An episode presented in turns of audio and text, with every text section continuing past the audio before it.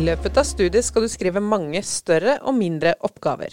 Felles for disse er at du trenger å vite litt om eksisterende kunnskap på det temaet du skal skrive om. For å finne ut hva kunnskapen er på temaet, så må du gjøre en litteraturgjennomgang, og flere av oppgavene dere lager, er rene litteraturstudier. Etter å ha hørt denne episoden er målet at du skal vite hva en litteraturstudie er. Du skal kjenne til ulike former for litteraturstudier. Du skal vite hvordan du kan gjøre et litteratursøk, og hvordan du skal vurdere og forstå den litteraturen du finner. Velkommen til denne episoden av Trenerstudenten. Jeg heter Solfrid Bratland Sanda. Jeg er professor i idrettsvitenskap og fysisk aktivitet og helse ved USN studiested Bø. Og i denne episoden tematiserer vi litteraturstudiet. For å snakke om dette temaet, så har jeg fått med meg Eva Maria Støa. Du er førsteamanuensis i idrettsfysiologi, og du har jo vært med i denne podkasten før, så velkommen tilbake. Tusen takk for det.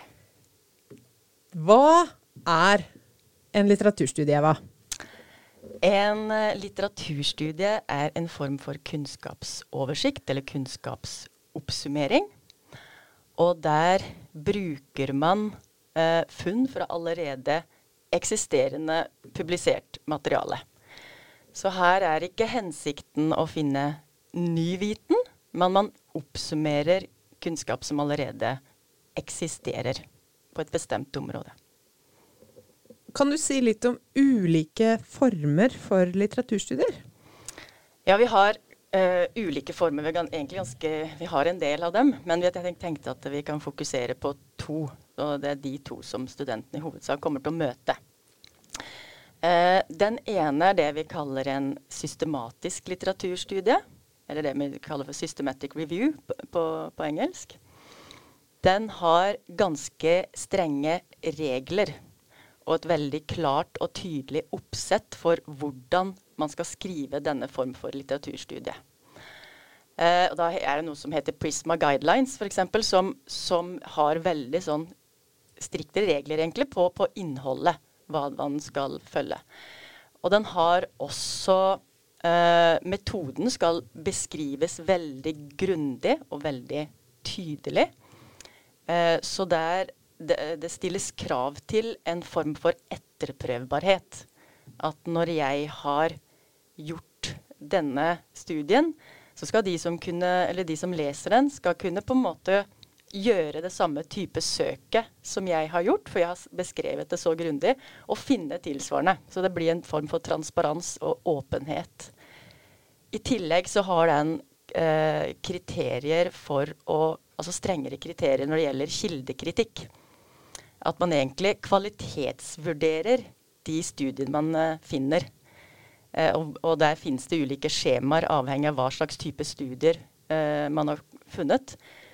Uh, uten å gå noe mer inn i det. Men, men, men den har uh, Så man skal også faktisk kvalitetsvurdere de studiene de har funnet, i større grad. Uh, så den har Den har helt klare på en måte regler for hvordan, hvordan den skal gjennomføres. Og så har vi noe som heter mer tradisjonell litteraturstudie, eller kalles også for narrativt litteraturstudie. Um, og den er på en måte kan man si at den er litt løsere i formen. er, den gir litt mer bilde av man kalle det big picture. Men systematisk har, har en veldig sånn, mye smalere fokus.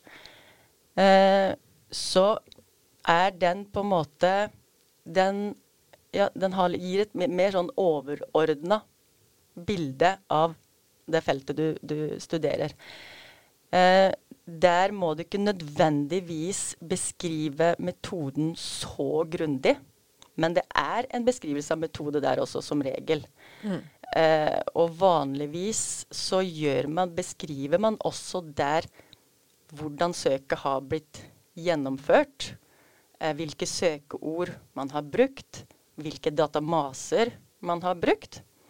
Men formen er litt mer Det er litt større variasjoner, ser man helt tydelig i det man kaller narrative eller tradisjonelle litteraturstudier. Jeg liker best å bruke narrativet, narrative, egentlig. Men, mm. ja. Og felles for begge er at det skal være en type etterprøvbarhet. Altså andre skal kunne se hva du har gjort, mm. eh, og egentlig gjøre det samme. Og se ja, finner jeg de samme studiene, og kommer jeg fram til de samme konklusjonene som mm. det du har gjort. Og så er det som du sier, at i en systematic review så er det mye strengere krav til dette oppsettet.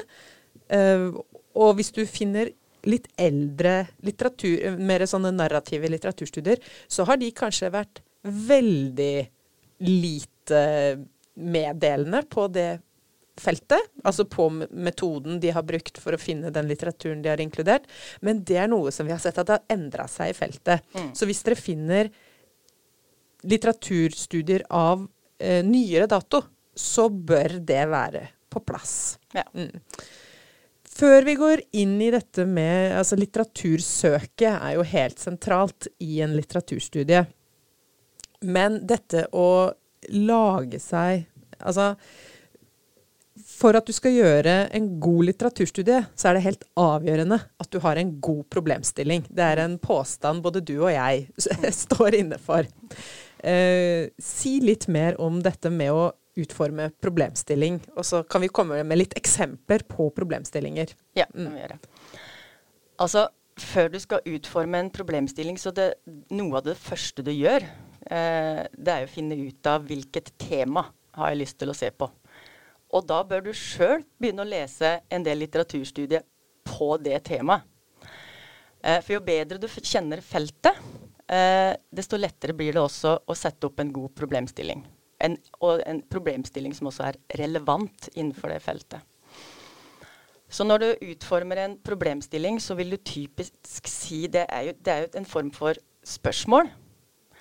Eh, og det spørsmålet inneholder gjerne hva er det jeg har lyst til å se på? Det inneholder gjerne blant hvem. Og uh, innenfor med, sånn, med sånn naturvitenskapelig forankrede problemstilling, så er det gjerne hva jeg har lyst til å se F.eks. effekten på en hovedutfallsvariabel. Uh, og det betyr jo at man, når man skal liksom danne seg det kjennskapet til feltet og finne ut av hva man har lyst til, og hvilken problemstilling man har lyst til å ha, så er det veldig lurt å starte litt bredt, som jeg, som jeg sa. At, at, man leser seg godt opp på temaet. Og så kan man snevre inn problemstillingen litt og litt. Mm. Så da kan jo f.eks. hvis man har lyst til å se på Og jeg er veldig interessert i styrketrening. Og jeg driver med håndball. Så ja, så er det et utgangspunkt. Da er det noe om hva du har lyst til å se på, og blant hvem. Og så Ja, men hvilken altså, vil, altså, det med hurtighet er spennende, for det vet vi at det, det er avgjørende for å prestere bra i håndball. Ok? Styrketrening, hvordan påvirker det hurtighet blant håndballspillere? Da har du et utgangspunkt. Og så ser du kanskje at OK, men her ser jeg at det er noen studier som har gjort uh, sett på effekter av maksimal styrketrening. Og allerede da så har du begynt å snevre det inn. Og så ser du at uh, Oi, jeg har lyst til å se på et visst nivå innenfor håndball. Så da kan det være blant elitespillere i håndball f.eks. Så, så snevrer man seg mm. inn mer og mer, og problemstillingen blir mer og mer spesifikk. Og når man da har den problemstillingen, og den begynner å bli god, mm. så hjelper det deg veldig når du både skal etablere søkeord, og hvordan du skal kombinere de søkeordene, og det hjelper også veldig for å eh, forme de her eh, inklusjon- og eksklusjonskriteriene, som også er en del av metoden din. Mm. Det var jo en veldig sånn, eh, hva skal jeg si, fysiologisk mm. retta, eh, prestasjonsretta problemstilling. Og, men det er jo de samme prinsippene som gjelder. Så hvis du f.eks. er interessert i å se på eh, ja, hva er effekten av utholdenhetstrening på langtidsblodsukker hos personer som har en diabetes type 2? Eh, hva, er, eh, hva kan være gevinster eller effekter av eh, fysisk aktivitet for ungdommer med angst eller depresjon, så er det en del av det er de samme eh, hva skal jeg si, kriteriene vi bruker mm. når vi da skal sette opp dette litteratursøket. Vi bruker bare ikke sant, det er andre temaer og andre mm. målgrupper og andre, andre utfallsvariabler. Og så går det an å eh, De eksemplene vi har brukt nå, er jo veldig sånn eh, naturvitenskapelig retta. Mm. Sånn at hvis du trenger noen mer samfunnsvitenskapelig retta problemstillinger, så kan det f.eks. handle om eh, frafall fra ungdomsidretten. Eh, hva veit vi egentlig om det? Hva er egentlig årsaker til at eh, ungdom faller fra? Uh, og er det så stort frafall som det egentlig ser ut som? Dette med hvordan sosiale medier påvirker ungdom, og for så vidt voksne, og forhold til kropp f.eks. Ja, hva veit vi egentlig om det? Det eksisterer en del myter. Mm. Så der kan vi f.eks.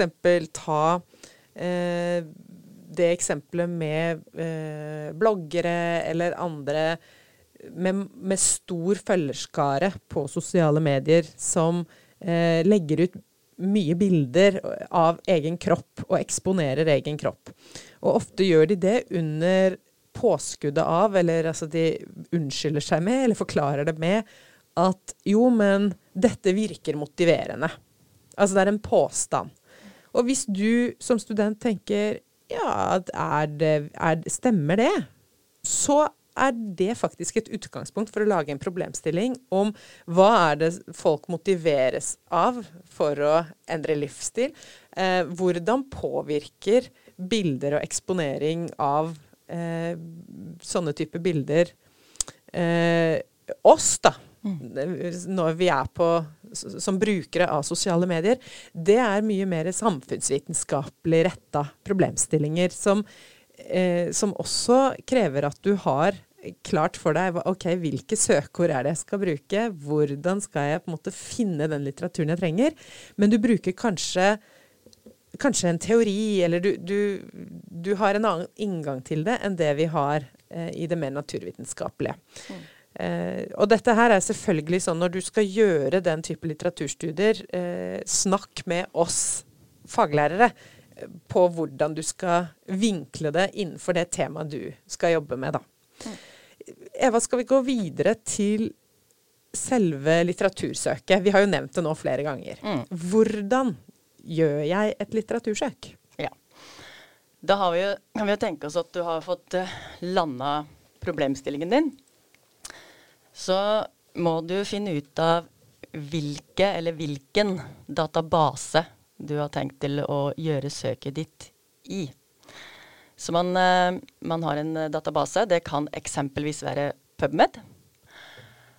Og så må du ha disse her søkeordene. Så hvis vi bruker eh, et eksempel som vi tok opp i sted, da, med styrketrening, påvirkende styrketrening på hurtighet blant håndballspillere, så vil jo et naturlig søkeord der være f.eks. strength training. Hvis man går mer i dybden på det og har lyst til å se på tungstyrketrening, så kan søkeordet der være maximal strength training, eller det kan være uh, heavy strength training. Og så et annet søkeord vil jo da naturlig være, være uh, håndball. naturlig nok. uh, så når man Um, får etablert de søkeordene, så, man også, så kombinerer man også det i selve søket sitt i databasen. Og da bruker man typisk and imellom søkeordene. Eh, hvis man vil blande, ha med både f.eks. strength training eh, og eh, heavy strength training, så går det an å kombinere de med or. Mm. Så man bruker altså ofte and or mellom de søkeordene. Mm. Og der må man prøve seg litt frem, og det har man lov til å gjøre. Mm. Det er lov til å gjøre litt pilotsøk. Når man skal forske på dette her, så har man gjerne helt klare, tydelige inklusjons- og eksklusjonskriterier og søkeord og sånn. Det er liksom satt i, for, i forkant. Men som student så har man lov til å prøve seg litt frem. Så det er lurt å gjøre en del pilotsøk, og det tar tid. Så det må man rett og slett prøve seg frem. Nettopp det å finne ut av disse søkeordene som man da må skrive på engelsk og sånne ting, det, det tar litt tid, da. Mm. Jeg tenkte bare å nevne dette med databaser. Um, for Oria f.eks. Mm. er jo den eh, biblioteksdatabasen mm. eh, som du har tilgang til som student. Der kan du jo finne en del annen litteratur, ikke bare artikler, men du kan finne masteroppgaver, og du kan finne rapporter, og du kan finne bøker. Så Oria er også en sånn søkedatabase mm. som dere gjerne må bruke, mm. og som biblioteket kan hjelpe dere litt i gang med. Eh, og, og så finnes det også lister med databaser på bibliotekets mm. nettsider.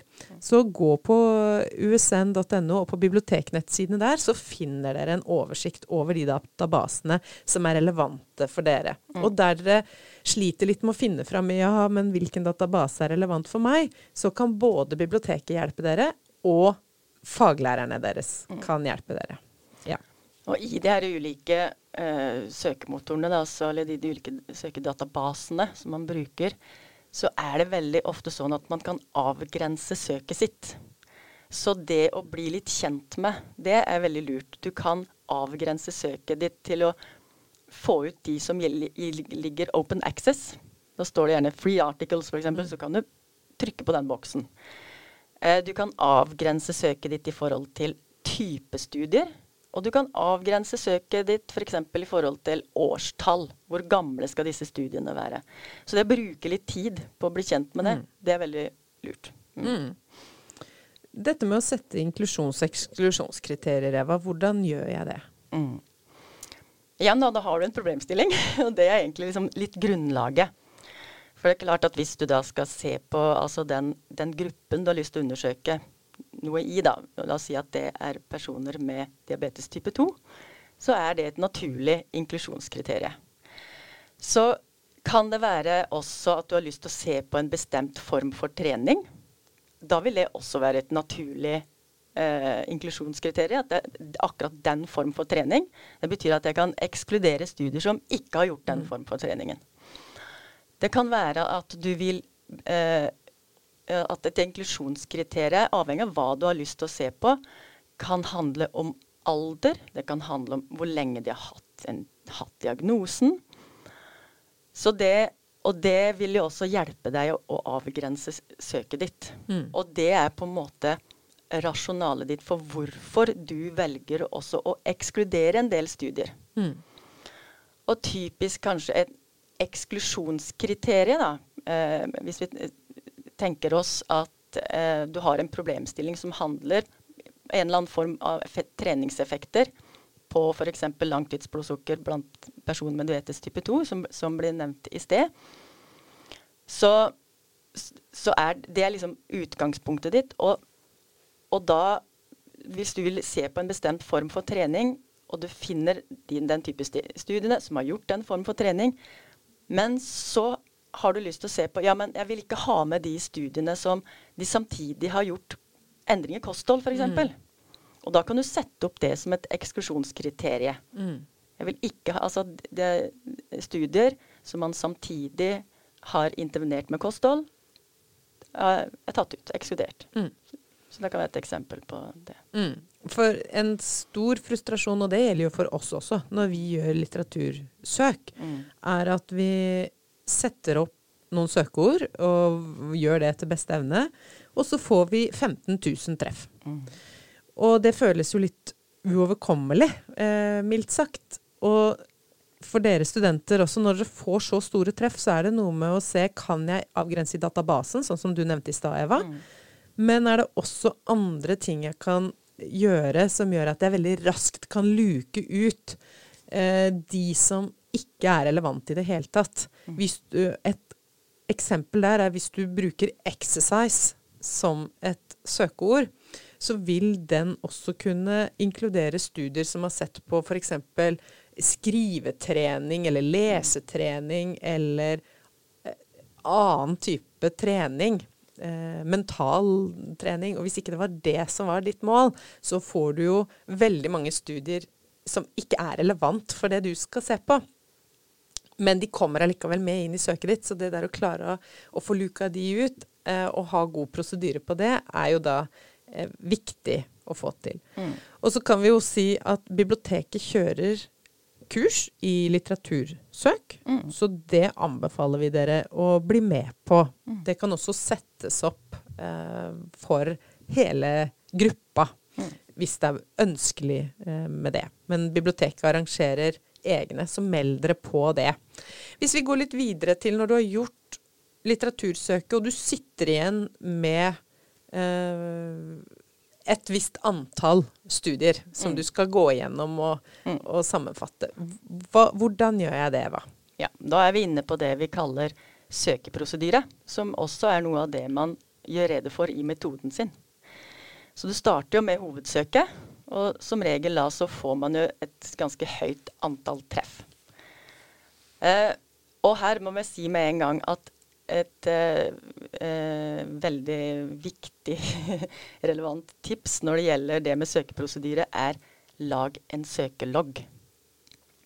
Sånn, eh, for da vet du hvordan altså, Når du får prøvd ut de ulike typer søkene. Så hvis du har en søkelogg, så har du litt oversikt over det. Så det, så det er veldig lurt å gjøre. Men du får et visst antall treff på hovedsøket med de her søkeordene og kombinasjonene av søkeordene, så får du et visst antall treff. Så og det man i første omgang gjør da, da starter på en måte første vi skal kalle det for screening-del. Det man gjør da, er at man leser titler og sammendrag. Og der vil man jo fort se at her er det veldig mye som ikke er relevant, som kan lukes ut.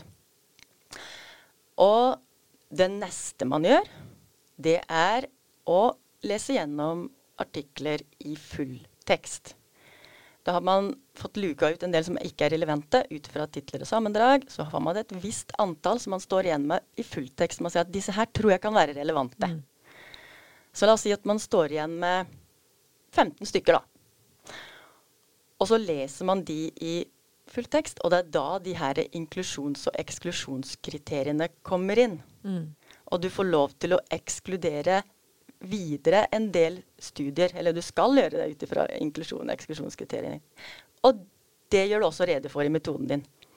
Hvor mange som har blitt ekskludert, og litt om årsaker. Og de årsakene da, det er jo de inklusjon- og eksklusjonskriteriene. Mm. Og til slutt da så sitter du igjen med et antall artikler som blir de eh, som, er, som, skal inn i din resultatdel. Mm.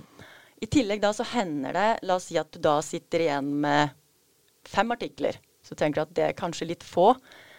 Så kan man også lese gjennom referansene til de artiklene. Og da kanskje du, du finner ytterligere to-tre som du har lyst til å inkludere, inkludere. Og til slutt da så får du den eh, totale antallet eh, artikler som da er grunnlaget for resultatene dine. Mm. Og hele den søkeprosedyren her er det vanlig at man gjør, selv om det er en narrativ mm. studie, så er det ganske vanlig at du beskriver denne søkeprosedyren i tekst, og gjerne i form av et flytskjema, da. Mm. Mm.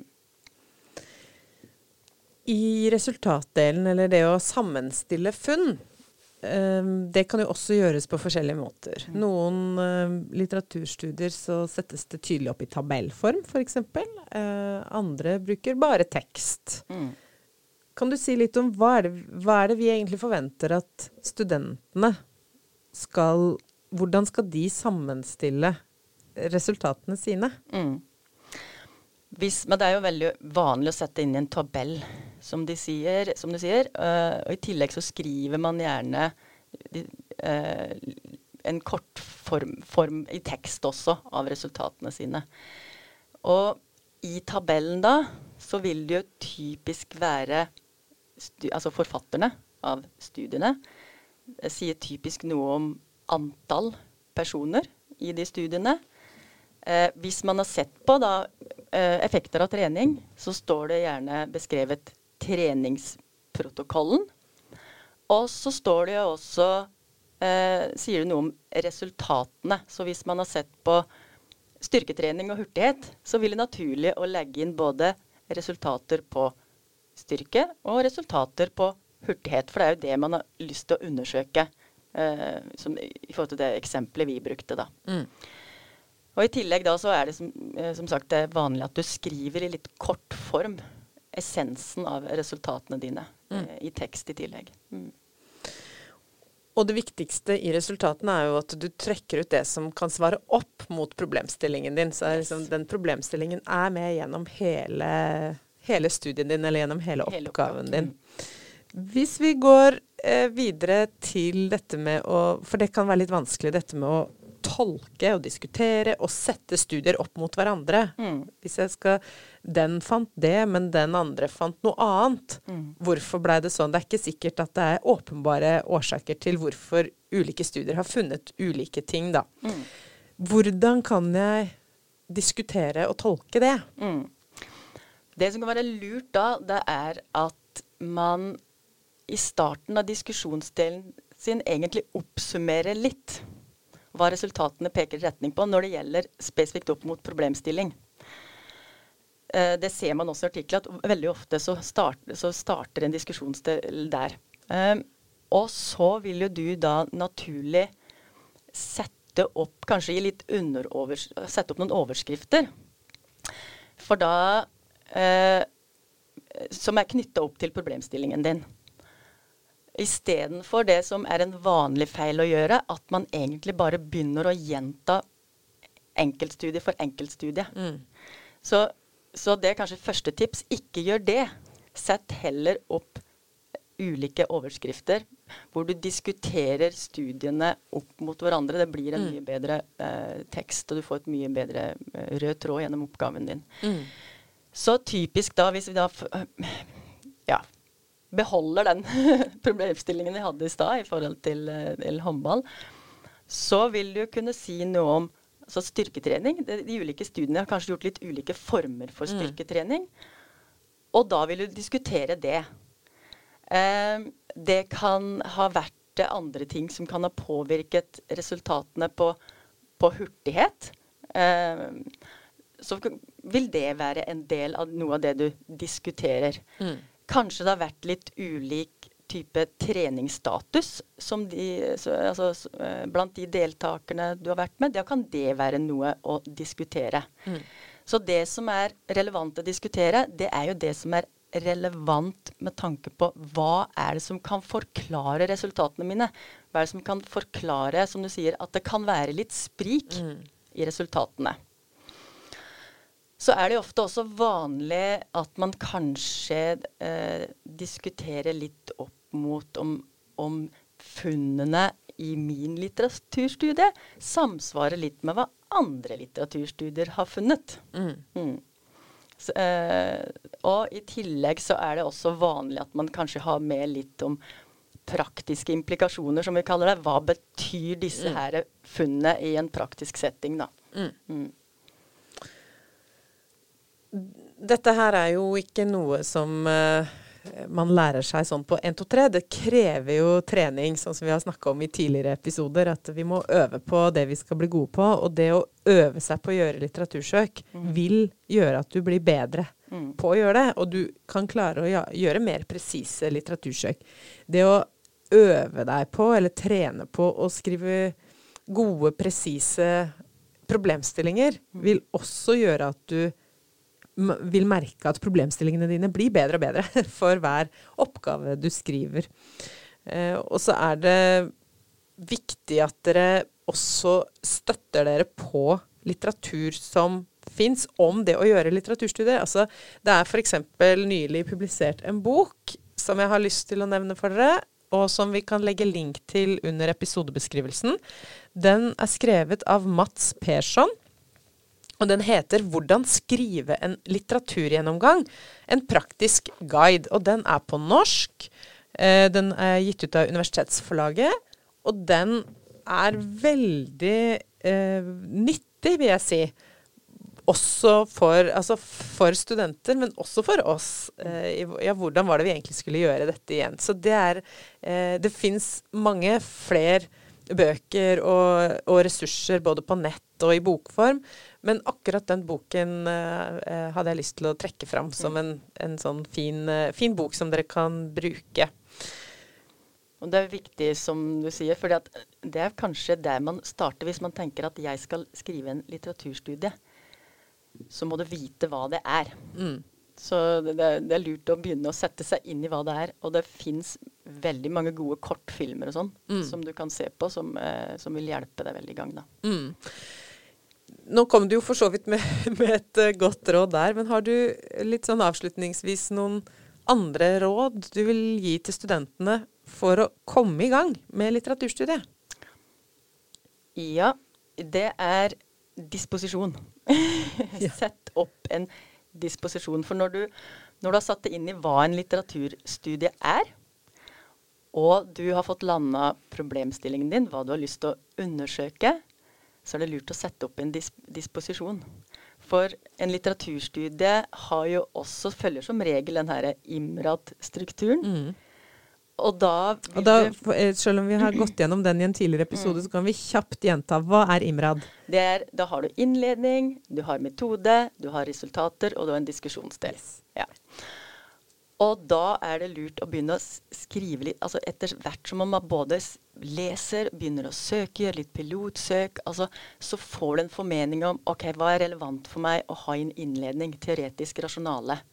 Og man sitter og jobber og søker at denne artikkelen vil være veldig fin å bruke der. Uh, I metoden min mens man holder på å gjøre søket sitt, uh, sette opp okay, stikkordform, dette må jeg sørge for å få med.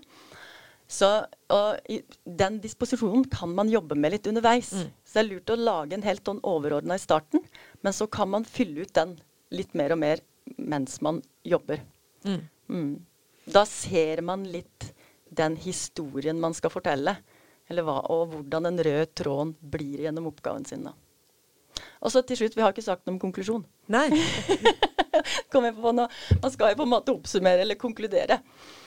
Og det eh, Og husk at konklusjonen skal svare på problemstillingen. Mm.